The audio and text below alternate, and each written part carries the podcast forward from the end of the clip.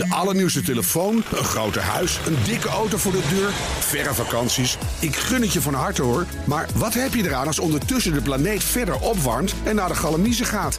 Wil je echt weten hoe het zit en wat we eraan kunnen doen? Luister dan naar BNR Duurzaam. Elke maandag tussen 3 en half 4 op de radio en altijd online als podcast. Want die volhoudbare wereld, die maken we samen. BNR Duurzaam wordt mede mogelijk gemaakt door Milieuservice Nederland. De ondernemende afvalpartner voor zakelijk Nederland.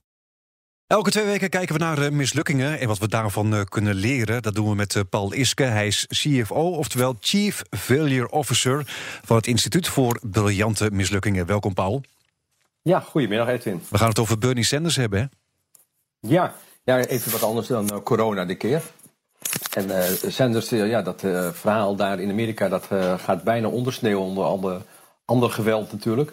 Maar het is toch op zich wel interessant wat daar gebeurd is. Dat een hele populaire kandidaat uiteindelijk toch de handdoek in de ring heeft gegooid.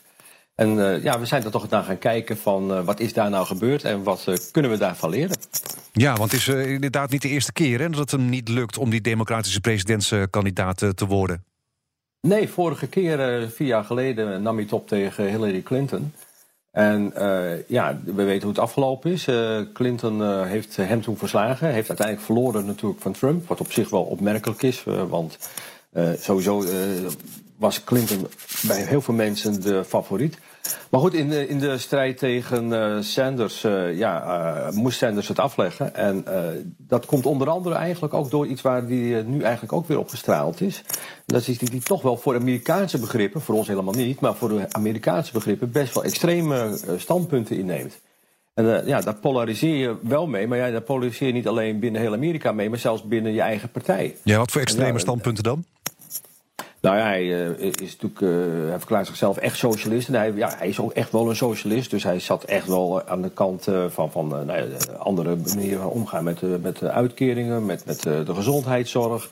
aanpakken van, van grote bedrijven, de winsten van grote bedrijven. En ja, daar win je natuurlijk een paar, eigenlijk kun je zeggen, een paar, een kleinere groep was heel erg enthousiast over hem. Maar een veel grotere groep was ofwel niet enthousiast, ofwel zelfs tegen hem. En, en ja, dan kun je zeggen, per saldo ga je dan toch niet zo heel veel kans maken. Nee, heeft hij het eigenlijk aan zichzelf te danken? Heeft hij een uh, verkeerde campagne gevoerd? Uh, ja, in zekere zin wel. Nou, we hebben gekeken, je, je, weet, we maken bij ons instituut gebruik van een aantal patronen waarom dingen misgaan. En een paar patronen in zijn campagne zijn we wel tegengekomen. Uh, ten eerste, ja, het ging in het begin natuurlijk heel goed. Hè? Hij won New Hampshire en Iowa deed het heel goed. En, en je zag eigenlijk dat hij wel een beetje al de allure kreeg van, nou, dit, dit gaat gewoon fantastisch. Dus dat is nog een beetje de huid van de beer. Een beetje toch misschien te vroeg gejuicht. Uh, aan de andere kant, uh, wat we ook tegenkwamen, is uh, hij heeft dan wel een hele een bepaalde groep die erg met hem wegloopt. Maar dat zijn dan net de mensen die vaak niet komen opdagen bij het stemmen. Hè? Dus dat is echt wel een beetje een lege plek aan tafel. Die support die je hard nodig hebt, die, ja, die ga je natuurlijk alleen maar er wat aan hebben als die mensen ook daadwerkelijk op een gegeven moment gaan stemmen. En, en dat is zeker in later in veel mindere mate gebeurd. En dat had hij eigenlijk van tevoren moeten kunnen zien aankomen. Want dat is hem nou vorige keer net zo gelopen. Ja. Dus wat ik een beetje gemist heb, is van ja, maar wat zijn nou de lessen van vorige keer die hij dit keer gebruikt? En was de... Meer, wat de, de boodschap was hetzelfde en de aanpak was ook hetzelfde. Ja, was het een briljante mislukking? Nou ja, daar hebben we een formule voor. Hè? En, uh, dus de Firewall-formule kijken we naar vijf aspecten van uh, nou ja, de, de, de V-I-R-A-L. De V staat voor visie. Wat was nu eigenlijk van plan? Nou ja, die man heeft op zich wel goede ideeën. En, en ja, president van Amerika worden, dat kun je iemand toch niet kwalijk nemen dat hij dat ambieert. Dus dat vind ik wel een, nou, was een hele goede negen. Nee, even net geen tien, want eigenlijk wordt ook gezegd dat er ook andere middelen voor hem zouden zijn geweest om zijn idealen te bereiken. Misschien zelfs iets meer vanuit de zijlijn dan als president. Maar goed, dan komen we op de van inzet. Nou, de man is 78 en kijk eens wat hij er allemaal voor energie in heeft gestopt. Heeft ja, dat wel, ik niet, dat kan ik niet verbeteren, dat is een 10. De risico's, ja, hij wist wat hij aan het doen was. En er horen risico's bij, uh, inclusief afbreukrisico's. En, maar ik vind dat hij uh, toch wel te weinig aandacht heeft besteed aan die gematigde democraten. En daarmee het risico net iets groter heeft gemaakt. Een 7.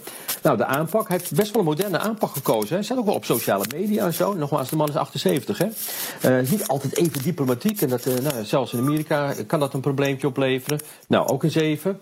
En dan, ja, de L staat voor leren. Nou, zelf zal hij er zeker niet veel meer van kunnen leren voor een volgende poging. Want ja, de man is 78. Ik ga er niet vanuit dat hij op zijn 82e nog een keer wat gaat proberen. Maar uh, wat hij gemist heeft is toch wel het leervermogen vanuit het verleden. Daar scoort hij niet zo heel hoog mee dan. Dus dan krijgt hij van mij een 4.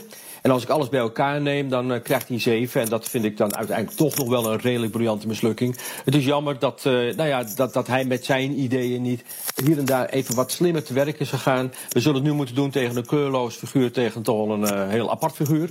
dus ja, wat we volgend jaar krijgen, dat, dat valt te bezien. Maar het is in ieder geval niet de charismatische Bernie Sanders. Oké, dankjewel Paul Iske. Hij is CFO, Chief Failure Officer van het Instituut voor Briljante Mislukkingen.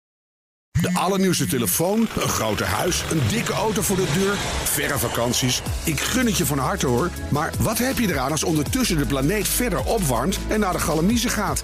Wil je echt weten hoe het zit en wat we eraan kunnen doen? Luister dan naar BNR Duurzaam. Elke maandag tussen 3 en half 4 op de radio en altijd online als podcast. Want die volhoudbare wereld, die maken we samen. BNR Duurzaam wordt mede mogelijk gemaakt door Milieuservice Nederland. De ondernemende afvalpartner voor zakelijk Nederland.